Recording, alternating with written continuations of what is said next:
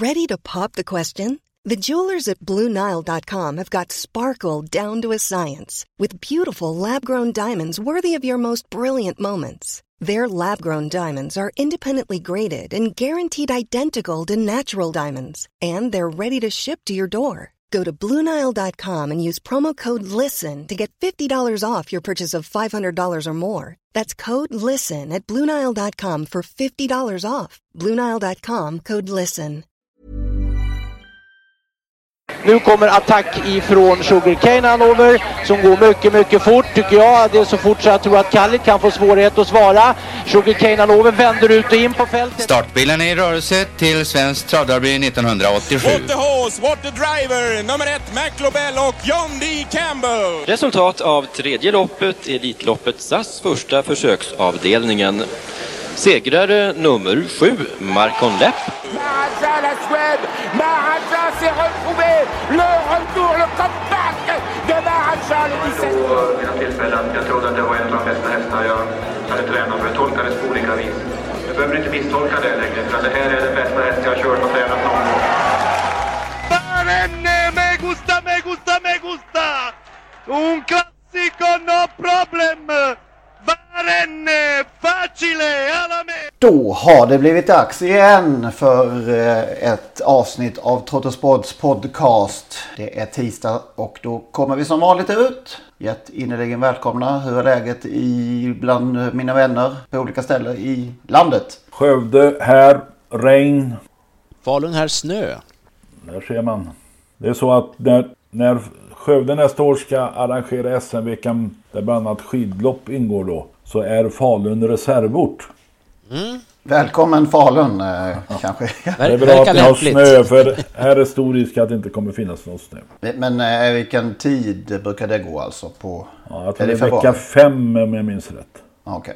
Det är så att eh, fyra gånger har Skövde varit SM-ort. Inte SM-vecka men SM-ort för skidåkning. Alla gånger har ni ställt in? Nej, det blev till slut äntligen fjärde gången gilt. Ja, det var de tre första ändå. Jajamän. Ja. Ja, vi gör, gör er redo Falun. Om, om någon inte minns det så Sportspegeln när Plex hade Sportspegeln Sven Plex Pettersson så avslutade han alltid med snötäcket i, i Skövde. Eller hur mycket snö det var i Skövde. Mm -hmm. Snötäcket i Skövde 3 centimeter. Okej. Okay. Välkomna som sagt och eh, ännu en gång tackar vi givare på Swish och Patreon. Vi tackar särskilt den här gången Ergin Yildirim som en trogen lyssnare och eh, bidragsgivare också. Så det, vi är väldigt glada för detta. Var det något upprörande till att börja med i eh, årets hästutnämningarna? Brukar ju vara förutsägbart. Ja, upprörande kan jag inte säga men eh, det känns ju lite vemodigt att en sån fantastisk häst som Önas Prins och allt det han gjorde under fjolåret inte belönas på något sätt. Nej, det, han... jag håller med. Det har vi varit inne på tror jag innan att ja, eh, risken fanns här. Och eh, det, är klart att han var ju nominerad både som årets häst och årets fyraåring såklart. Och alla dessa meriter. Ja, sen att ja, han stötte på en för bra häst uppenbart. Sen kan man diskutera hur länge som helst vem som var bäst i landet av de två. Jag tror vi alla tre nästan har konstaterat tidigare att årets fyraåring är ju tufft att peta honom från. Ja. Faktiskt, det är ju... Jo, även om man anser att Calgary Games är en bättre häst såklart. Så, så... Årets fyraåring är, det är ju något annat. Liksom. Jag tröstar mig med här nere i Västergötland i Skaraborg att uppföraren till, till eh, Önas prins Thomas Jonsson i Nossebro blev, eh, eller fick årets, priset som årets uppfödarbragd. Det, det gladde mig verkligen för det är en, en, han har hållit på i 20 år och kämpat med sina hästar och nu fått fram en stjärna. En riktig, riktig stjärna. Kan konstatera också att eh, Don Fanucci Zet här räckte till för att vinna årets äldre häst. Det var något som man inte mäktade med på Solvalla. Nej. Det blev ju Who's Who årets häst. Who's Who? Eller årets, årets äldre häst. Ja. Ja. Men, Startade han i fjol? Ja, han vann väl Hugo Åbergs kanske? Han vann ju två, tre storlopp. Det gjorde han ju. Ja, Men ja. frågan, det, var, det är tufft att peta sin egen Elitloppsvinnare. Kan man tycka. Ja, Det, var, det var det ju. Det, det, var, det var ingen överdrift. Nej.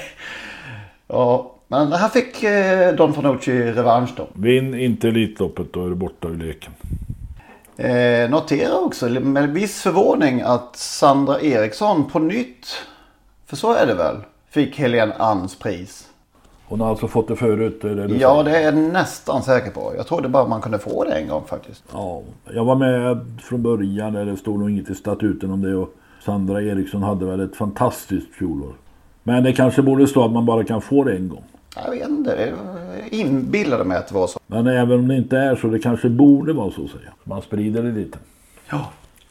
Ja, och så blev det då... Eh, hajade man till lite när, när Hepburn kanske fick årets tvååring. Men, men ehm, det var kanske inget att välja på. Det, var en kon- det är ju- blir ju svårt det där när alla...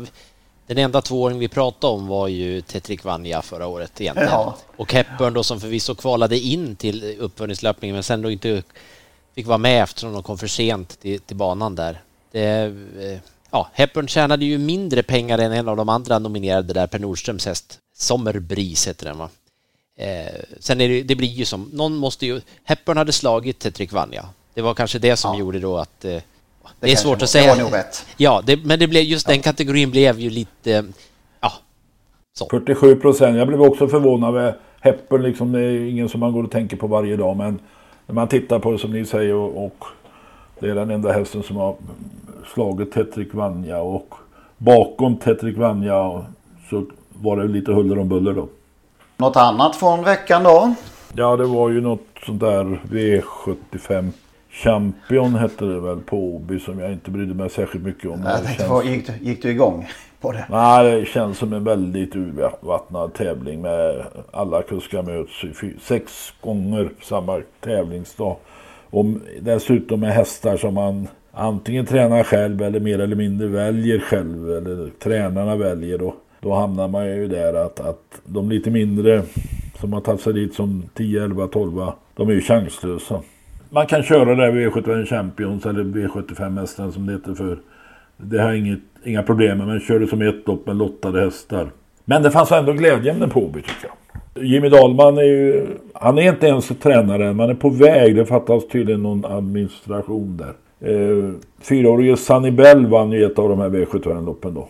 Magnus Djuse körde. Jimmy Dahlman tränade. Hästen fick han i höstas från Björn Goop. Har nu två segrar på två starter i år. Och Jimmy har inlett bra med fyra segrar på sju starter som tränare. Han tränar bara tre hästar än så länge. Har ju B-licens men kommer att få en A-licens. Och, nej, han har inlett lovande så man hoppas ju att några hästägare får upp ögonen. Om du ändå är inne på junioravdelningen eller ungdomsavdelningen. De lite yngre i alla fall. Simon Helm vann 29 lopp i fjol. 27 i segerprocent.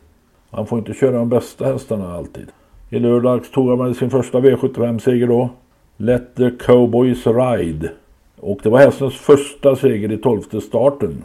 Och noterbart är ju då att det är Svante Eriksson som tränar hästen som har åtta tränarsegrar på 19 starter hittills i år. Och troligen, i alla fall kanske ganska troligen, en ny V75-seger med Phoenix Foto på lördag. Ja, det är en hygglig start på året och eh, på nya gården då som vi varit inne på.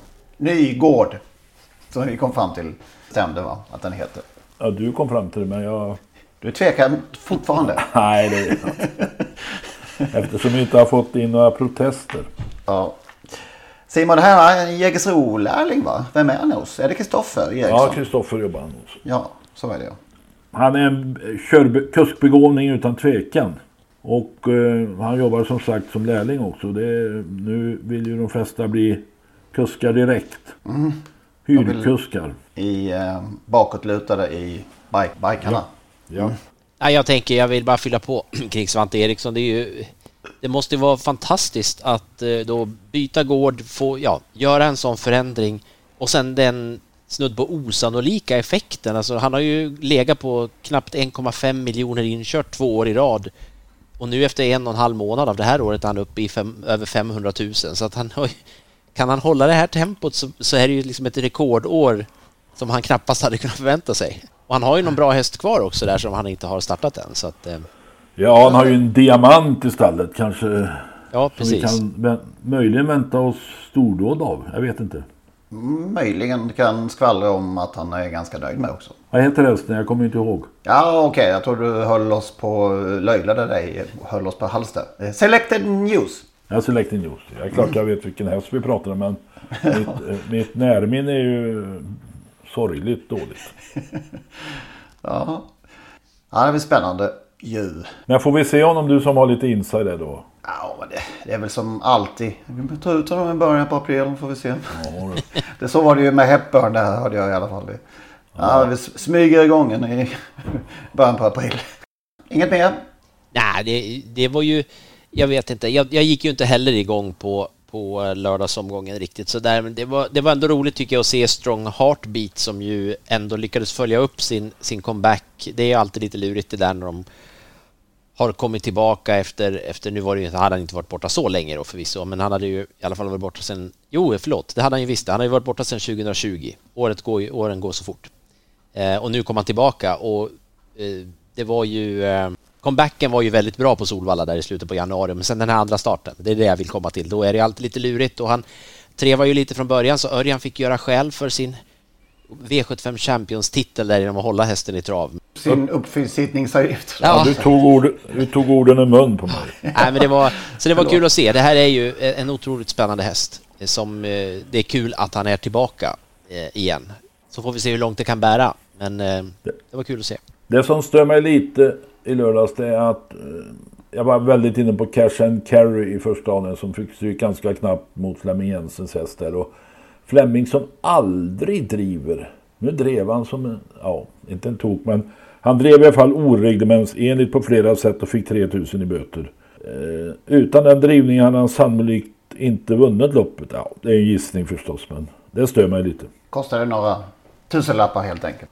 Ja, det gjorde det naturligtvis då. Ja. Nej, men jag skulle vilja ta upp drivningarna från de två senaste veckorna här inom V75. Drivning med bakåtvänt spö. För förutom då att Fleming, jag tror det var i alla fall det han fick böter för att han viftade till rejält med rätt sidas spöet så att säga. eh, I ett läge en bit in på upploppet. Strax efter där vände han ju på spöet. Och började alltså med bakåtvänd drivning. Alltså, är det så nu att kuskarna har hittat nya metoder när den gamla spödrivningen är förbjuden? Ja. Eh, och det skulle vi absolut, det trodde jag att det var nästan, förbjudet att och driva med bakvänt spö. Där borde ju straffen vara rejält mycket högre. Är det tillåtet? Nej. Fick de här böter du pratade om förra veckan? eh, Nej. Då var det Rickard Skoglund som vid två tillfällen eh, drev med bakåtvänt spö. Båda gångerna bakom eh, Robert Berg tränade hästar för övrigt. Och i övriga lopp så betedde han sig inte på det sättet, Rickard Skoglund. Men vi, vi, Eh. vi kan, det är alltså så att domarna har nu, man tittar så noga, fokuserar heter det kanske nu för tiden. Mm. På den här eh, lite yviga spö, spödrivningen som är numera förbjuden. Så att de glömmer alla andra eh, försök till otillåten spödrivning. Går inte att utesluta när man ser att det går dem förbi det här. Eh, För anledningarna till att man driver på det här sättet. Hästarna ska förflytta sig snabbare och just på detta vis på något slags instinkt eller rädsla då. eh, På grund av någonting, att de har upplevt någonting. Men det behöver inte vara så Henrik. Det behöver inte vara så. Det Det, utan det kan ju vara så att, att man driver på det sättet för att domarna inte upptäcker och eh, du känner att jag måste driva nu för att vinna det här loppet och då tar man bakdelen i, av pisken av spöet och, och trycker in i eh, länden heter det kanske. Men det har ju i förekommit genom åren i alla fall att eh, den här typen av spördrivning har att göra med grisfösare. Det låter som du vill ta bort spön överhuvudtaget. Jag har börjat fundera, fundera på det de senaste dagarna. Vad, vad, vad ska vi ha det till om, inte ens, om ni inte får driva längre? Jag vet det här korrigering och kommunikation och... Men eh, det känns, ju- det här känns inget bra liksom. Att de, att Ja, korrigering det där är ju nys naturligtvis. Man har kört i Norge hur länge som helst utan spö. Det har inte med korrigering att göra. Men sen som i Norge då. Det, det blir ju våldsamt eh, etiskt eh, fult. När man eh, håller på med tummarna med båda armarna och sådär och gungar. Och. De får inte driva med dem heller om, vi inte får, om de inte får, man inte får driva. Som reglementet säger nu. Det finns ju de som kör utan spö. De behöver inget spö för korrigering. Annars så måste böterna och straffen för just bakåtvänt öka rejält. Ja, framförallt så, så har de ju uppenbart missat vid flera tillfällen. Såg ni Prix de France då?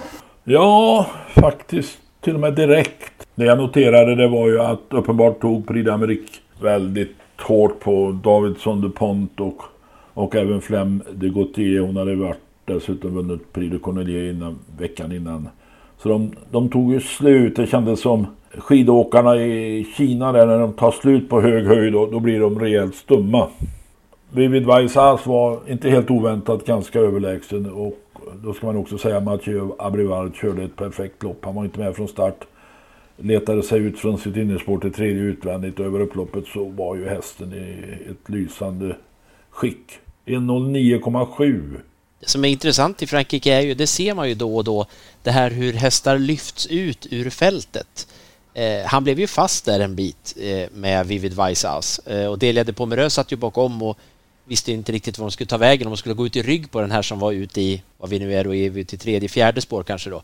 Men då plockades ju den hästen ut ur loppet och vips så var det fritt fram för Vivid Weisshaus och så det där är, jag vet inte om de får böter för sånt i Frankrike, förmodligen inte. Eh, de tog ju ut hästen för att den är trött. Det, faktiskt så gjorde de likadant med Vivid Vaisas i Rio d'Amérique förra året, plockade bort ut honom ur loppet ut i sista sväng där. Eh, så att, jag, jag, kommer inte ihåg vem det var. Eh, det borde jag ju ha vetat nu. det blev ju rörigt där när, när eh, Etonant galopperade. Han var, ju, han var ju våldsam nästan, vildsint. Ja, han kutade ju runt dem ut i, betydligt längre ut där då, men den, den här som nu kom ut i spåren där var ju så att säga var ju i vägen för Vivivice AC i ett läge. Nu hade den ju sannolikt tröttnat ändå, men just detta att de plockar åt sidan är... Delade Pomerö tvåa och det var ju hon som vann Olympiatravet i fjol när Raffan de säger till och med i ATG Live nu, Raffan numera. Daniel eh, Olsson tog med sig eh, Han tog med sig även, det till Menhammar. Ja.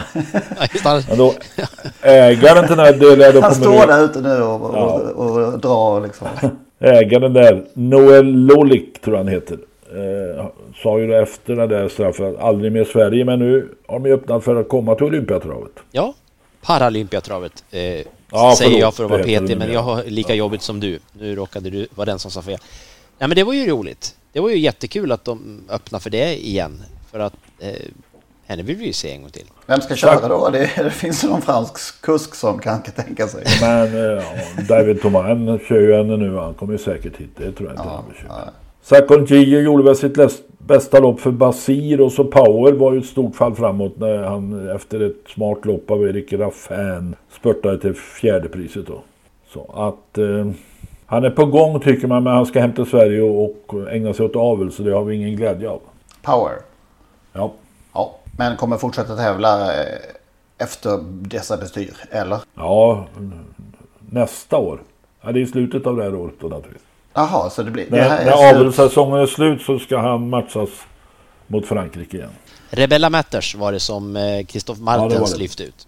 Så har vi inte lämnat någon eh, i, svävandes i ovisshet. Jag tyckte det var lite kul eh, att Vivid Weiss Ass vann. Men han har inte fått någon eh, inbjudan till Elitloppet än va? Malmrot var ju där. Men vi har ja, inte sett och hört något va? Det är väl ingen brådska med det.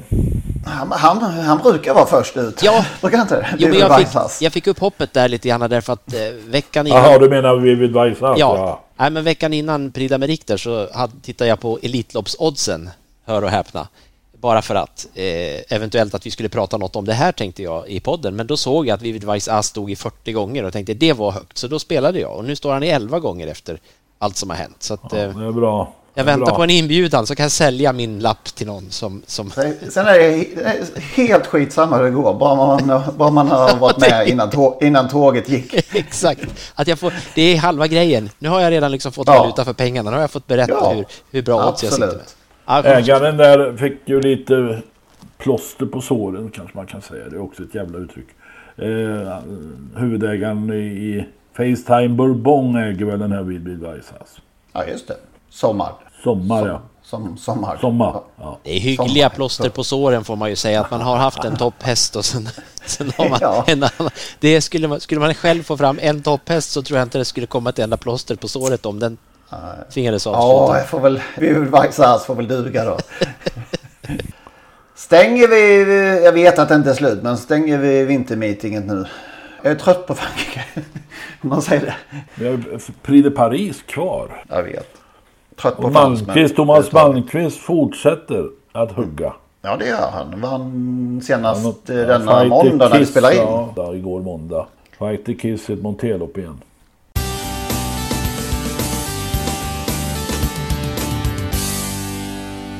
Har ni blivit eh, omkullsprungna av eh, folk som har loppidéer under veckan? Visst intresse ändå rört? Ja, inte så mycket men du, jag fick dem men den har jag glömt av redan. Men det kanske jag förmedlar till er.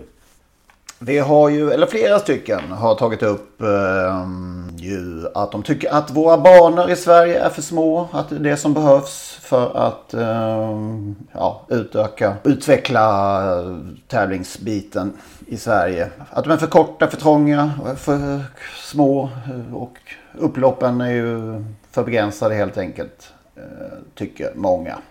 Är det lösningen då? Stora banor? Ja, jag vet inte om det, ja men det är klart att eh, en och annan stor bana eh, skulle naturligtvis eh, sätt, öka intresset det tror jag. Men, och samtidigt är jag ju inne som jag sa förra veckan på det här att hitta den här franska startmetoden eller någon variant av, av den på ett annat. Alltså man inte så beroende av vilket startspår man lottas till. Eller ja, det ska inte lottas alls då naturligtvis. Men, men vi kommer ju aldrig dit, jag lovar alltså. Det är, Bengt, eh, Bengt Wilén i Enköping har skickat in ett, ett eh, omfattande mejl. Han tycker att det blir stereotypa lopp då som, som många gör. Axevallabanan hyllas för sitt långa upplopp. Han tycker att man ska bygga om två eller tre banor i Sverige till 1150 till 1200 meter långa banor. Vilket ger möjlighet till större kurvor och längre upplopp. Och också innebär lägre dosering i kurvorna vilket innebär mindre påfrestningar på hästarnas leder och säkert lägre skötselkostnader för banunderhåll. Tycker Bengt. I Frankrike finns det många sådana banor typ Cansigmer, eh, Saint-Malo, Chartres, Laval och Cabourg. På några av dessa banor sker starten i kurvan, alltså förlängning på upploppet. Jägersro tar han då upp och tycker att det talar emot, han, han gillar inte riktigt att bygga 1400 meters bana. Han är rädd att det blir många trötta hästar till slut och att publiken är långt ifrån när, hästarna. Han har ju faktiskt, om man tittar på lopp i Frankrike utanför Vincennes, där, där de bästa hästarna tävlar, om man ser på mindre banor och de här långa upploppen och eh, stora banorna, då blir det ganska fult alltså för att då är de jävligt trötta till slut. Så där, han har en poäng där. Med f- eh, 1400 meters, eh, ja, Ja, ja. faktiskt. Den kan bli för lång alltså. Ja. Ja. Däremot då vissa banor som han nämner här. Det är väl är det Cabo eller Laval som har det här över jävligt eh, lång, lång. Det tar aldrig slut. Mållinjen kommer aldrig. Men inte så lång bana i största allmänhet. Jag tror att den är 1200 faktiskt. Någonting sånt. Och det är väl samma i Kangsumer va? Ja, ja det tar aldrig slut i är I alla fall inte om man har spelat ledaren. Nej. Så ja, lite poäng här tycker jag. Jag hade någon häst, Mafioso Face, som startade på någon gräsbana. Och det gick upp för hela upploppet. Det var hur långt som helst. Och det, det blev bara, alltså det var som att åka skidor upp för nu i OS. Jag tänkte det måste ju ta slut. Han ledde och ledde och ledde och ryckte ifrån och ledde. Eh, Johanna Lindqvist körde. Nej, jag tänkte det här kommer ju aldrig gå. Men han klarade den där backen och lyckades vinna. Det var ju en häft, häftigt att se. Hur lång var den? En gräsbana? Ja, alltså? det var Eller? flera mil höll jag på att säga. Men... ja, det var jäkligt. Och så var det uppför på och gräs. Ja. Ja, det skulle man ju vilja. Och sommar, sommarbana då eller? ja, det var väl på sommaren någonstans. Ja, coolt. Men de har ju många eh, trevliga banor, absolut. Va? Det har de verkligen. Men här har vi likadana banor nästan överallt. Han nämnde det också att i Cabo vid Atlantkusten så har man sommarmeeting med publiksiffror på 8 till 10 000 i publik. Genom att ha arrangemang med kändisar som uppträder och deltar i parkörning på travbanan. Mycket uppskattat. Eh, ska vi se. Vi fick ett mejl också. Eh, från en som eh, gillar det här med bergspris eller med etapppris. Skulle, skulle vilja se det med efter 500 meter, kanske efter 3000 meter 6000 meter och 9000 meter. Ja. Då får vi, då får vi lång, långa upplopp i alla fall. Men eh, hur, hur, hur många mejl har det kommit om eh, mitt förslag med jaktstart? Det måste varit, det, det sprängde väl korgen där va? ja. Han nämner också en eh, Stig och Johansson-häst för att knyta ihop lite andra saker här. Axina SK. Vad heter den? Axina SK. Vann fem lopp som treåring på, på Solvalla. Tvåa i Drottningens pokal. Du minns inte den alls eh, Lennart eller? Jo, jo, jo, jo. Ja, ja, absolut. Och, eh, där fick ni dessutom en tvåa då. Tycker Linus som har skickat in det här mejlet. Så han knöt ihop eh, många rubriker där.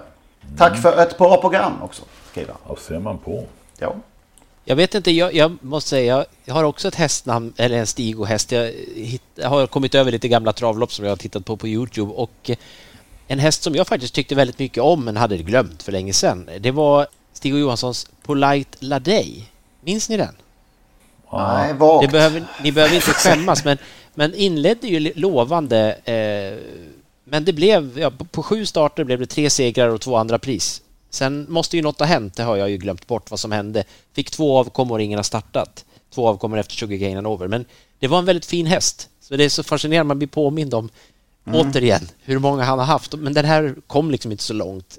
Den, var den hade bara gjort sju starten då. Han ändå gör lite avtryck helt enkelt. Ja, men jag, den här minns jag var, var, just i det här loppet som dök upp så var det en favorit på Riks V5 då. Men, men jag minns mm. den redan innan lite grann där att man hade noterat den. Men det, så det som totalt var ju full, hade fallit i glömska naturligtvis då. Det var 115 000. Så att, nu vet jag ju varför jag minns den där, eh, sakerna kommer tillbaka. Det var ju Quick Ami som var mamma till Polite Lady. Kommer ni ihåg Quick Ami? Det var ju lappens. Quick Ami kommer jag ihåg mycket, mycket väl.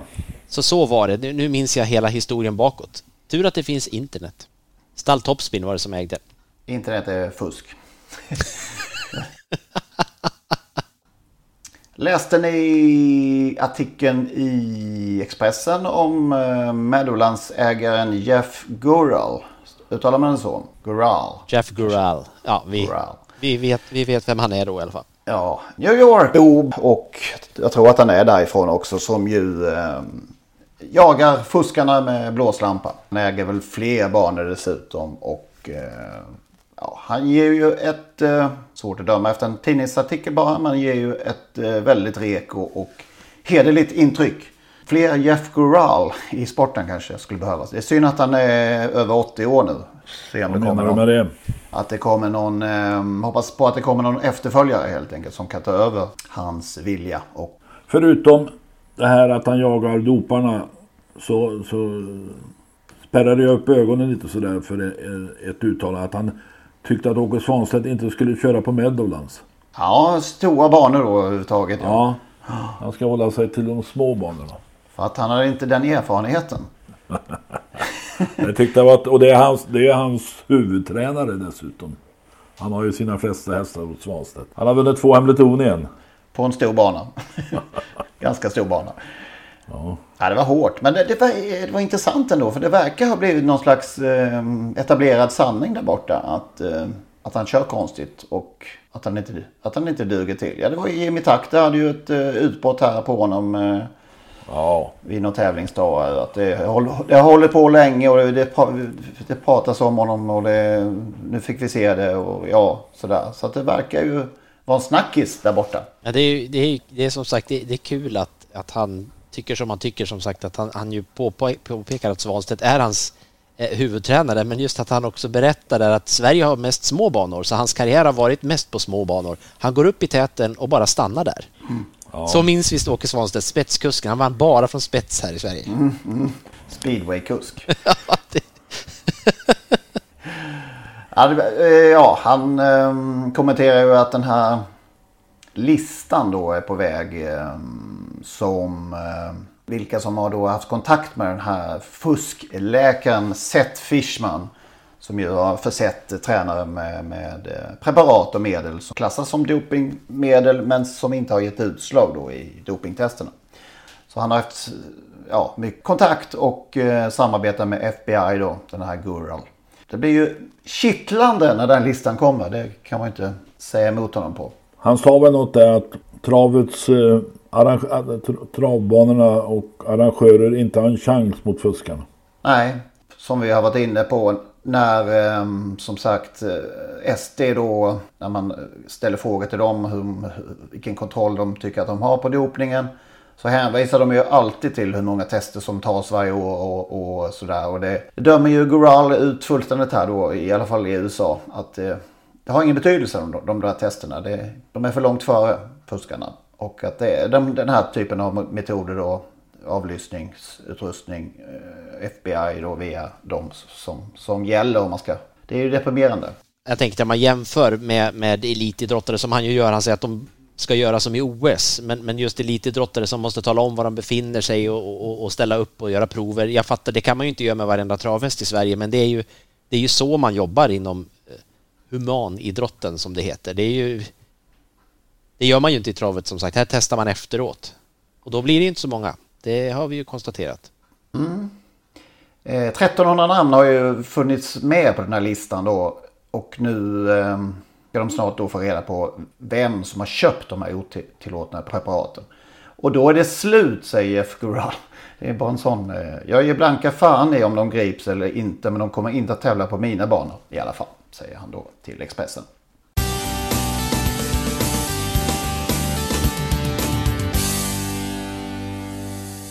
Under veckan som gått har ju den store tv-mannen, får vi kalla honom, Ingvar Oldsberg lämnat jordelivet. En av de bästa skrev du Lennart när beskedet kom och en del tycker kanske till och med den allra bästa. Det kanske du också gör. Ja, det kan man nog säga. Absolut. På så många områden. Så Hyland var ju stor och, och så att det var svårt att, att sära på dem där. Funnits några till kanske, Arne Hägerfors. Men det är klart, han, han var ju absolut... Eh, det är ju topp. Mer sympatisk eh, än Lennart Hyland också kanske? ja, absolut. Ja, ja, självklart. Det är väl alla, var väl alla också. ja, kanske det faktiskt. Ja, men jag tänkte på det, det blev, det blev mycket prat om, om Hyland också, de här Hylands pojkar som man ju nämnde där. Va? Och, men, men för mig, jag, jag, tänker som, alltså Lennart Hyland, han var väl den första, men jag tycker nog att, att Oldsberg var den största ändå. Hyland var ju först med mycket pionjär, men, men Oldsberg förvaltade ju det, men tog det ju faktiskt till, till en annan nivå. Han var ju oerhört bred och, och framförallt som ni säger, han hade också den här Hyland var väl också folklig, men inte folklig alls på samma sätt som Ingvar Oldsberg. Samtidigt så kom han ju en tid och efter Hyland, senare än Hyland, där, där möjligheterna att, att kunna utöva sin talang och sin yrkesskicklighet på ett annat sätt med, med fler tv-program, fler tv-kanaler. På Hylands tid var det ganska begränsat med en radiokanal och en tv-kanal. Ja. Men vi ska inte strida om det. Nej, vi minns ju Ingvar Oldsberg helt enkelt. Var, var, var, var det något särskilt som, eh, som... Han var ju väl inte så involverad i travet men, men någon koppling ja, han. Han var ju faktiskt eh, på några travbanor. Jag kommer ihåg i Åmål var han och, och han hade ju något värdshus, någon, eh, vad heter det, där uppe, Baldershagen och sånt där närheten av Åmål som han drev. Så han var intervju, skötte intervjuerna där när jag var en gång i Åmål. Och även om han inte kunde så mycket trav så var ju, han var ju så skicklig så att han lät ju inte någon märka luckorna, kunskapsluckorna. Ja, och sen travsporten hade ju, alltså travet i tv hade ju ingen egen programledare så att Ingvar Oldsberg var ju lite programledare för travsändningarna då i form av tips extra så för ja, mig är han ju är han ju väldigt mycket trav trots att han ju egentligen inte hade som, som vi säger så mycket koppling till travet. Men han frontade ju travet ändå mycket där. Jag minns ju starkt, de flesta förknippar väl honom med underhållning nästan uh, numera. Eller av de som kommit i, sent in i hans karriär. Men han var ju en fantastisk eh, referent och kommentator. Eh, jag minns ja. ju det här referatet när han kommenterade den här förskräckliga fotbollsmatchen i VM i Spanien 1982 mellan Västtyskland och Österrike. Där ju Västtyskland behövde vinna med 1-0 och eh, på det viset klarade sig också Österrike vidare. Spelade sist i den sista omgången i gruppen. För numera spelar de på samma klockslag, men det gjorde man inte då. Så 1-0 skulle ju vara perfekt för båda lagen. Tidigt mål från Västtyskland och 80 minuters sidligt passande efter det. Och eh, det står han inte ut med till slut, Olsberg. Och en lång eh, harang hur förskräckligt det är. Fantastiskt referat. Jag försökte få tag på det men jag har inte lyckats tyvärr. Väldigt skicklig referent ju. Ja, oerhört skicklig på, på allt eh, och ja, tog folk på ett fantastiskt sätt och, och sen som sagt han var ju jag vet inte hur många människor han har fått att skratta under sin livstid. Han är ju en av dem som, som har gjort så många så glada. Och på så, på så många, i så många olika program och så många olika varianter och sen framför allt På spåret som ju kom. Det är nästan så att man har glömt bort att det var faktiskt han som var med från början nu när Christian Lok och eh, Fredrik Lindström börjar bli så gamla som Ingvar Oldsberg var när han slutade nästan. Eh, ja, faktiskt. Det var väl hans idé dessutom. Ja, delvis. Det, det, där har jag försökt att forska lite i för jag, det beskrevs ju som att han kom på På spåret när man började prata om honom förra veckan och riktigt så tror jag inte att det var. Han, han, det var någon annan som, som Sten Previn tror jag det var. Ja, och sen någon som hette Lennart Andersson som hade sett något klipp i, i England på BBC som inte var På spåret utan det var nog bara en sån här tågresa. Eh, och utifrån det på något sätt så föddes där. Den här historien kan säkert någon men jag man ska inte ta ifrån Ingvar någonting, men det kanske inte var han som kom på På spåret för det. Men han, han gjorde nog På spåret. Och, och, och um, lanserade det helt enkelt. Ja, ganska avgörande för programmet mm. också. Det var en bättre programledare hade man inte kunnat hitta i alla fall. En annan göteborgare som vi har tänkt hylla här och minnas. Ja, men han lever. Han lever och har väsentligt mer varit delaktig i, i den svenska travsporten. Som du brukade presentera honom på hästgalorna på den tiden. Välkommen He Leif Olsson. Ja. För, första gången jag um, var där så tog det en stund innan jag... Innan, vem vem innan kommer nu? ja, vad är, det för jävla, vad är det för jävla nisse som kommer? Men det var alltså Loket Olsson som vi um, ja, ska minnas tillbaka lite här idag. Vad, vad, du känner ju Leif va? Ja. Ja. Det var ju hans eh, sidekick heter det kanske. På 8, 9, 10 hästgalor. Hur kom, ni, eh, hur kom han in i bilden till att börja med? Till hästgalorna? Mm. Nej, han var ju känd redan då som, som en, eh, en eh, slagfärdig, duktig programledare. Eh, och, och, kunde ju lite trav. Alltså, han var ju ganska själv, självklar i den där rollen. Framförallt kunde han ju ta folk. Och på den tiden så, så var gästerna, prisutdelarna, eh, väldigt viktiga. Att det skulle vara prisutdelare som kunde bidra till, till eh, arrangemanget. Och det, Loket lyckades ju alltid. Jag kommer ihåg, jag tror den första vi hade det var Otto Roneus, veterinären. Den är fantastisk man. Och, och när Loket intervjuade honom på scenen inför sitt prisutdelningsuppdrag så köt ju folk av skratt. För han, han var ju inte bara en duktig veterinär, han var jävligt rolig och sådär. Eh, en parentes där, efter det där så berättade hustrun senare på kvällen att när Otto kom hem med rosor till mig, då visste jag vad det var fatt. Då hade han köpt en ny häst. och, och sen en annan minne är ju hon, eh, biskopen i Lund, eh, Kristina Odenberg, heter hon så? Heter hon så? Heter hon så? Som höll på med galoppet som var ju prisutdelare på en gala och, och hon och Loket kom väldigt bra överens. Och hon gjorde en kupp där hon sa att då sa Loket, eh, hur trivs du här? Vad skulle du vilja göra när du är här? Krama Stigå, sa hon. Mm. Och Stigå var ju han var ju direkt upp där och gav henne en kram. Alltså det var en jättefin fin, en jättefin stund. Det minns jag mycket väl faktiskt. Ja. Eh, vi satt ju åt eh, tillsammans där innan, eller under hela galan. Och det var väl ett, ett år då eh, Loket som inte är någon eh, sådär större, som inte tar någon större alkoholintag. Tog två snapsar till förrätt av någon anledning som jag inte förstod. Och då blev han lite rörig ett tag på scenen där men vi lyckades reda ut det också. Det var väl så att man, det, till förrätten var det väl två snapsar? Jo, men inte, inte för konferensen kanske. Nej, det Nej, men sen, sen, var han var ju varje torsdag var det i regel och på vi alltid på pressrummet. Alltid eh, glad, spelade mycket, ofta. Ja. Ibland vann han, ibland förlorade han. Så hade han ju en och annan häst. Han har haft många hästar genom livet. Mm. Och då har han ju också eh, roddat som det heter nu för tiden. Bingolottor i en himla massa år. Ja, och just Bingolotto, Bingolotto-hästen heter det väl va? Ja. Det är en av, de, en av de riktigt stora succéerna tycker jag när det gäller att marknadsföra travet. Och det var ju Lokus förtjänst naturligtvis. Och Nisse Stare som tog ut hästen. Var det det? Okej, okay, ja. Det var ju med eh, ofta lyckat resultat och vill jag minnas. Ja, de hade väldigt, väldigt imponerande rad av vinnare. För det var inte alltid favoriter som, eh, som var, ja, fick förtroendet så att säga. Ehm, kan vi lyssna här på hur det kan låta, hur, hur det lät vid de här tillfällena på lördagskvällarna när um, luckan med hästen drogs fram där i, under Bigolotto-kvällarna. 1, 4, 5, 8 eller 9? Har hästen gått? Hästen har gått. Då skiter jag i det här tror jag. Jaså, då bryr, då bryr du inte om någon låda? Ja, hästen ja. Det är ju faktiskt en låda som alla vill vinna. Ja, inte riktigt alla, om sanningen ska fram. Hästen! Edor!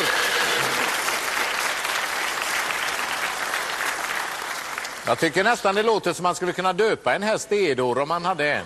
Jo, jo. Det låter, det låter löjligare med Leif. Potten är 115 000 kronor. Ja. 115 000 och din häst är den här. här kommer den ser du. Tius Tos heter den. Körs av Lasse Lindberg och startar alltså med startnummer 11 på Solvalla i det sista V5-loppet på onsdag på riks V5. Är du intresserad av trav? Nej. Aldrig. Men du hade hästar när du var lantbrukare? Ja, hästar haft. Ja, visst, du känner till det. Du är inte rädd för hästar? Nej, du. Den här hästen är inte vem som helst, för det är en lillebror till Sogin, Sveriges bästa häst för närvarande kanske, ihop med Kopian. Ja. Så att här har du alla chanser. Och vinner den hästen så vinner du nu 165 000 kronor. Men du, Lope. Ja. Jag tvungen att åka till Stockholm? Just det. Nej, du. Jo, du. Nej. Jaså? Nej. Vill du inte åka? Nej, jag vill inte åka till Stockholm. Jaså? Jag, jag kommer aldrig dit och aldrig hem. Jo, jo, men vi löser det må du tro. Nej. Vill... det, får, det får du ordna själv för där uppe. Alltså, det... Vi hörs av er, då ska vi greja detta. Det är fint. Du ska, du ska på börsen och se After Dark också efteråt, ser du. Va? Ja. Hej du. Hej då! Hej, hej. Men han kom allt Edor. Här kommer Edor Granlund till Solvalla och får blommor på direkten. Vad säger jag? Och vi fick allt upp honom. Han åkte tåg för första gången i sitt liv, X2000. Och här har han hästen som ligger utvändigt, Tius Tos. Nu ska vi se. 165 000 hade han chans att vinna. Tos har slagit klorna i ledande Merlin. Han har det klart just nu så försöker Micke Mattes. Och leder nu Edor för Tius Tos har greppet. Jodå, han fixar det. Sogins lillebror har gjort det. Han eh, lägger metet för de övriga. Han tar de sista snabba stegen över mål. Nummer 11, Tius Tos. Vi ger Edor en applåd. Han fick 165 000. Fantastiskt. Så nu är han frälst på hästar.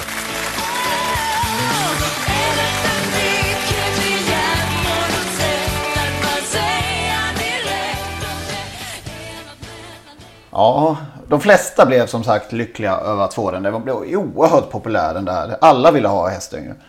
Ja, Kändes det var det så. mer värt än eh, snurra på hjulet som kunde ge en miljon. ja, just det. Ja. Vad hette den här gubben nu som absolut inte skulle åka så? Edar. Edor. Edor. ja. Bra namn Han på en häst. Mycket bättre än Leif. Ja, Som man säger. Han skulle absolut inte åka till... Vad fan ska jag i Stockholm och göra? Han åkte dit. Och det, alltså det var ju också en av Lokets storheter. Va? Han kunde locka dit dem. Och han kunde få dem att ändra sig. Det var någon gammal tant som bodde på ett äldreboende i Boden. Sånt där, som vann ett biljardbord. Hon hade ju inte rum som fick in det där biljardbordet. Men eh, Loket lyckades ändå få henne att vara glad över det där biljardbordet. Ja, unik förmåga och um, kommunicera med, med människor. Det måste man säga. Även om det inte alltid var så djupt kanske. Nej, det var ju lätt. Nej, det var inte Lokos grej. Dansbandsmusik och liksom lättsamt enkla frågor. Mycket väder, väderfrågor och hur, hur eh, det är skönt att det är snart är vår ute. Och, ja, Ja, så sådär. hade han en väldig förmåga att veta alla platser eh, de ringde från hade han ju koll på. Han hade ju dömt handboll överallt i hela världen. En OS-semifinal och sådär. Så att han visste ju var, var städerna i Sverige låg när de ringde eller från orterna där. Och sen var han ju... Han, han var ju överallt. Under en period av, av år där så, så var han ju på nästan varje bana man var på. Han drog ju, han drog ju folk. Eh, loket kommer, då kom det ju ännu fler. Han fick ju folk till travbanorna. Det spelar ju liksom ingen roll var man åkte. Jag minns när man var på någon V75 uppe på Solänget där på, på kvällen sen när vi satt och åt. Då, då ramlade han in där. Då behövde han ju äta så satt han med där och käkade och sen var man några dagar senare någon annanstans. Då var han ju där också. Han ja, var ibland ju... fick han ju intervjua sig själv till och med. Sto-SM Sto 1998 när J.P. Sund som han ägde ihop med Lennart Hjälbe vann. Då först fick han ordna kusk för Örjan blev fast i något, på någon flygresa till Göteborg. Eller, så att han kunde inte köra. Och då råkade han stöta på Per Lennartsson och han frågade kan du köra vår häst? Jajamensan. Vann ju en stor-SM då och, och eh, Loket skötte intervjuerna. Får erkänna att jag har eh, rasat på honom vid ett tillfälle. Ja, jag var väldigt elak. Eh, det var en derbyhelg på Jägersro där han, precis som Magnus säger, han var överallt och då ska han dessutom in en, en derbyhelg. Det tyckte inte jag passade riktigt att han eh, skulle eh, rabbla om den gula sjuan och den bruna åttan som, som han ju eh, ofta gjorde. Och han slutade, han pratar ju konstant. Jag, jag tyckte inte att det hörde en derbyhelg till. Så att, där fick jag. Lokal, local Cons var väl den bästa hästen ägde kanske? Ja, det var det kanske. Ihop med Mats-Ola Palm som ordförande på Åby och Bo Jakobsson utanför Göteborg där någonstans. Eh, 2011 var de ju väldigt, eller Loket väldigt, väldigt irriterad för att han inte fick vara med i Elitloppet Local Cons. Så då fick det bli det här istället? Nu kommer fem Local Konk som kommer ur den första kurvan i rätt gångart. Är på väg att överta ledningen. Örjan Kihlström gör inget motstånd. Bakom nummer fyra I Want That står fem Local Konk. Övertagit täten. En 08,2. Det kan man ju inte tro att det går när man ser den här rätten som är ute på en promenad. Publiken tar upp eh, stora spontana applåder för Flemming Jensen som strax kommer in mot upploppet i Splendid Isolation bakom nummer 5 Local Kong. Finns det någonting som ska kunna ställa till det? Det ser ju inte så ut utan hästen är ju fokuserad precis som Flemming Jensen. Han kommer in mot upploppet, han har en stor ledning, det är mindre än 200 meter kvar. Publiken jublar över nummer 5 Local Kongs insats och det är klart att de ska göra det för Flemming Jensen har allting fullständigt klart i mindre än 100 meter kvar och det är utklassning i Sweden Cup-finalen 2009. Det är Local Kong som visar vad han kan tillsammans med Flemming Jensen. Vilken uppvisning! Det fick bli en överlägsen uh, Victoria ja, det var, alltså det var, dagen innan ja, helt var, enkelt. Det var en maktdemonstration av Flemming Jensen. Ja, sällan skådad faktiskt. Var han mer iordningställd än om han hade deltagit i Elitloppet? Local Count ja, absolut. Ja, ja. Ja, det, var, det, det, fick inte förloras. Nej. Coleman Crown vann lopp på Vincennes och då var loket där. Jag ser honom framför mig på, i sin brandgula keps som han köpte på en auktion för tusen kronor. För det var Hylands gamla keps. Men han har haft dåliga hästar också. Ja, det har han ju uh, inte varit sen att påpeka också i, i olika konferenciertillfällen. Snatsy Hot Rod om någon minns den. Ja, just det. Skulle bli en blivande Elitloppsvinnare sa de till Loket. Han kostade 5 miljoner och Loket var en, köpte en femtedel för en miljon då. Och jag tror han gjorde tre starter i Åke Svanstedts regi. Och blev tvåa bak. Han tvåplacerad så blev han tvåa bak på Axvalla. Och då sa Loket efter. Man, här tror man att man har en häst som kan vinna Elitloppet så får han stryk av Ålarökan. ja, det, det, är fantastiskt just att han, han, eh, han som många andra hästägare fick ju lite hybris också. Jag, jag hittade en intervju där ett uttalande från, från Loket där när Local Conch hade slagit Maharadja på, på V75 på Gävle eh, 2010, tror jag, 2011, minns jag inte riktigt. Eh, men, men där, där, han sa det att det var ingen överraskning för mig. Det är en fantastiskt bra häst. Jag trodde vi skulle ha bra chans. Alla tjötar om Maharaja hela tiden. Det surras som fan om den, men den har väl aldrig varit fräsch. Vad är det för häst? Stigo sa i TV att han skulle vinna hur lätt som helst oavsett hur loppet skulle bli kört. Men hästen är för upphåsad. Alla tror att den ska vinna Prix d'Amérique. Men hur ska en häst som aldrig startar kunna vinna Prix d'Amérique? Det, det, det är ord inga visor det. Ja. Så vi pratar om loket. Men det, är, det här Ålarökan-citatet, det, kanske, det är ett av uh, travhistoriens bästa citat. Ja. Ta det en gång till. Nej men här tror de att man har, eller här tror vi att vi har en häst som kan vinna Elitloppet så får den stryk av Ålarökan. Just att det var Ålarökan också, det namnet. Ja. Det var ingen dålig häst så, men, men, men jag, jag förstår ju loket helt och fullt. En gång så skulle han ju åka upp till Bohuslän, eh, någonstans Dalsland, eh, Värmland kanske var konferenser på någon, på någon eh, hockeyturnering. Han körde fel ur Tingstadstunneln och kom på fel väg så han körde till Åmål istället. Och där var det trav och eh, det var två system kvar till sista av det. Ett var mitt och ett var Lokets. Och Loket fick in V5, ensam V5 ja. Eh, hade han åkt till den där satans hockeyturneringen så hade jag i alla fall fått ut en på fyra rätt. ja, det... ja. Han hoppade inte in i, nej, jag... i, vin, i vinnarcirkeln eh, när han ändå var där. Ja, nej. jag, jag funderade, funderat på en sak där. Har, har Leif Loket Olsson fått något pris av travsporten? Har han på något sätt fått ett, någon hedersutmärkelse för, för det han har gjort för svensk travsport? Ja, ingen aning. Det är inget som poppar upp spontant att han skulle ha fått i alla fall. Det, det... Nej, jag kan inte heller minnas det, men alltså då måste man, vara, man måste vara mer kompis med folk då. Så kan man säga. Han tog aldrig något betalt. Han fick ett system, eh, V75-system av ATG på eh, tusenlapp eller något som Stare tog ut. Han fick noll ersättning för hästskalorna. Ja. ja det är, han Eller fick, han ville inte ha. Nej. Han fick han som sagt eh, hade nog så han, han har nog fått. Ja, ja, det var inga problem för det. Han, han gjorde aldrig anspråk. Han fick det där systemet var nöjd och så två snapsar och ibland. Nej men hylla honom ordentligt tycker jag. Det, det ska han ha för, för det... Han har också gjort väldigt många glada på travbanorna specifikt också. Verkligen. Så att, även om du blev arg då. En gång blev eh, På honom på Jägersro. Den här loppidén som nu sjösätts på lördag på Bergsåker var, var jag vet inte.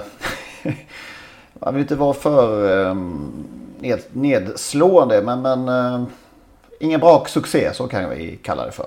En och, miljon i prispengar menar du alltså? 500 000 kronor till vinnaren då i ja. eh, där vinter, nu kommer jag inte ihåg den exakta titeln, Vinterloppet någonting ja. på, på, på Bergsåker.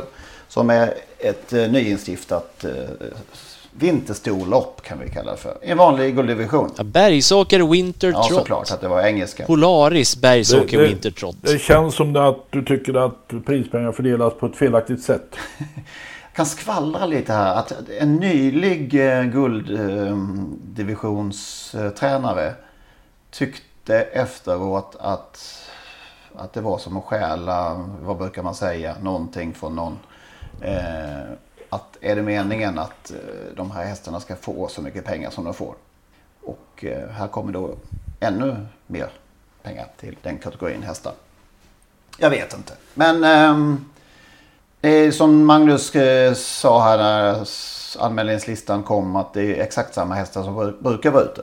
Ja, och det finns väl i, just nu i den här perioden på året finns inga andra hästar Ja, men vad trodde man? Det, det, det, någonstans, det gäller ju allting. Om du öppnar en butik och ska sälja något eller vad som helst. Vad förväntar, sig man, vad förväntar man sig att det ska komma? Tror man här att det plötsligt ska dyka upp hästar som inte har startat på slutet som plötsligt då ska antingen göra årsdebut mitt i februari eller det är lite svårt att förstå. Jag tycker det är jätte, generellt kul med nya grepp. Det är jättebra, men vad trodde man att det skulle bli här? Det, Trodde man på riktigt att det skulle komma bra hästar? Jag tror man struntar i det utan det blir lite omskrivet att det är ett halvmiljonslopp och lite rubriker och spel på V75. Jag tror man struntar fullständigt om det kommer bra hästar eller inte. Tyvärr. Ja det känns ju så. Så, så känns det ju. Den enda som var lite ny på gång in i loppet var ju Ubicarian Face men den, den, han kom inte med. Nej, Jag trodde du skulle säga Perfect Dynamite som, som äntligen har börjat vinna lopp. Han har ju liksom gnetat på på ett väldigt bra sätt för, för Ante Lisell. Men den har väl varit med i flera guldvisioner i vinter. Jo. Ja, men ändå en, en lång väg i S. Jag tror inte... Ja, du menar så ja. ja jag tror inte Colgjini hade anmält till Bergsåker om det hade varit 150 i första. Nej. Och så kommer Atle Hamre med två. Mm.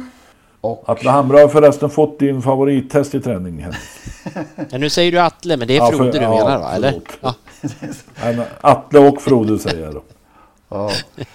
Ja, just det. Mm, Som jag alltid har hållit... Ferrari. Ferrari BR. BR. Som jag har... eh, Ja. Ni som kan historien kan den, så kan vi säga. Ja. Han är nio år, visst är Ja, det han så? har blivit det. Nio år nu va? Ja, tänk hur det är ändå. Tiden Eh, går. Ja. ja, det gör ju verkligen det. Har ni hittat någonting i listorna som kittlar då?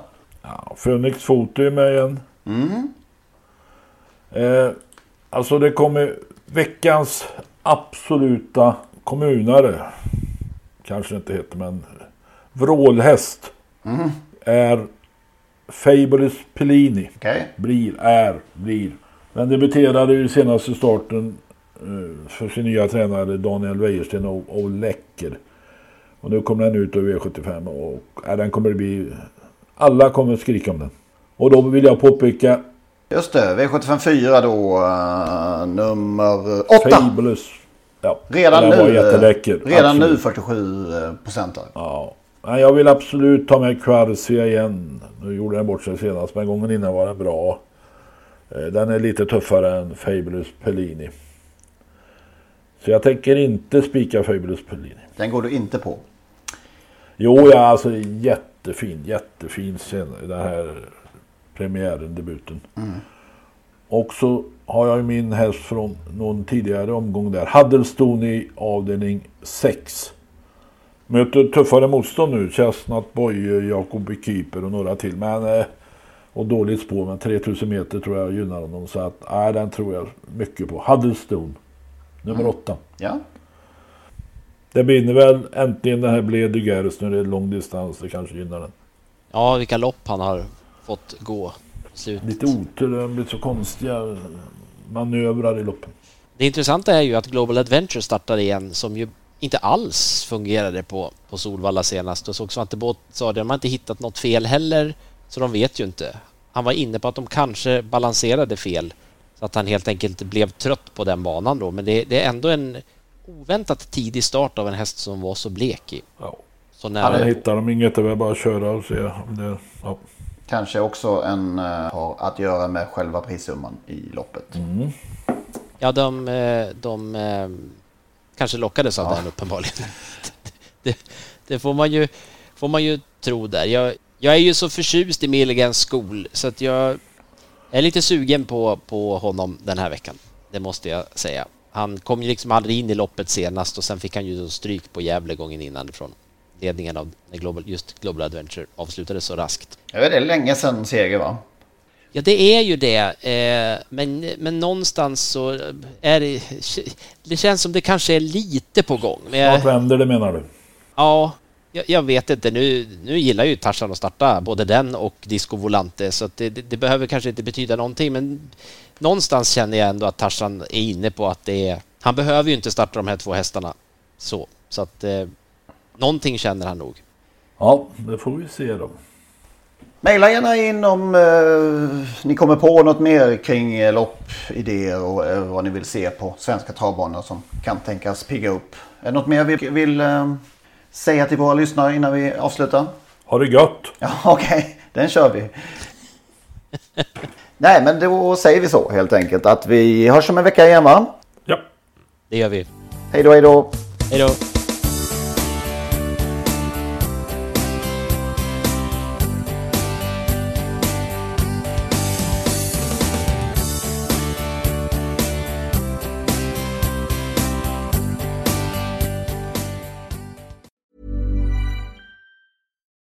Deserves the best, and there's no better place to shop for Mother's Day than Whole Foods Market. They're your destination for unbeatable savings, from premium gifts to show-stopping flowers and irresistible desserts. Start by saving 33% with Prime on all body care and candles. Then get a 15-stem bunch of tulips for just $9.99 each with Prime. Round out Mom's menu with festive rosé, irresistible berry chantilly cake, and more special treats. Come celebrate Mother's Day at Whole Foods Market.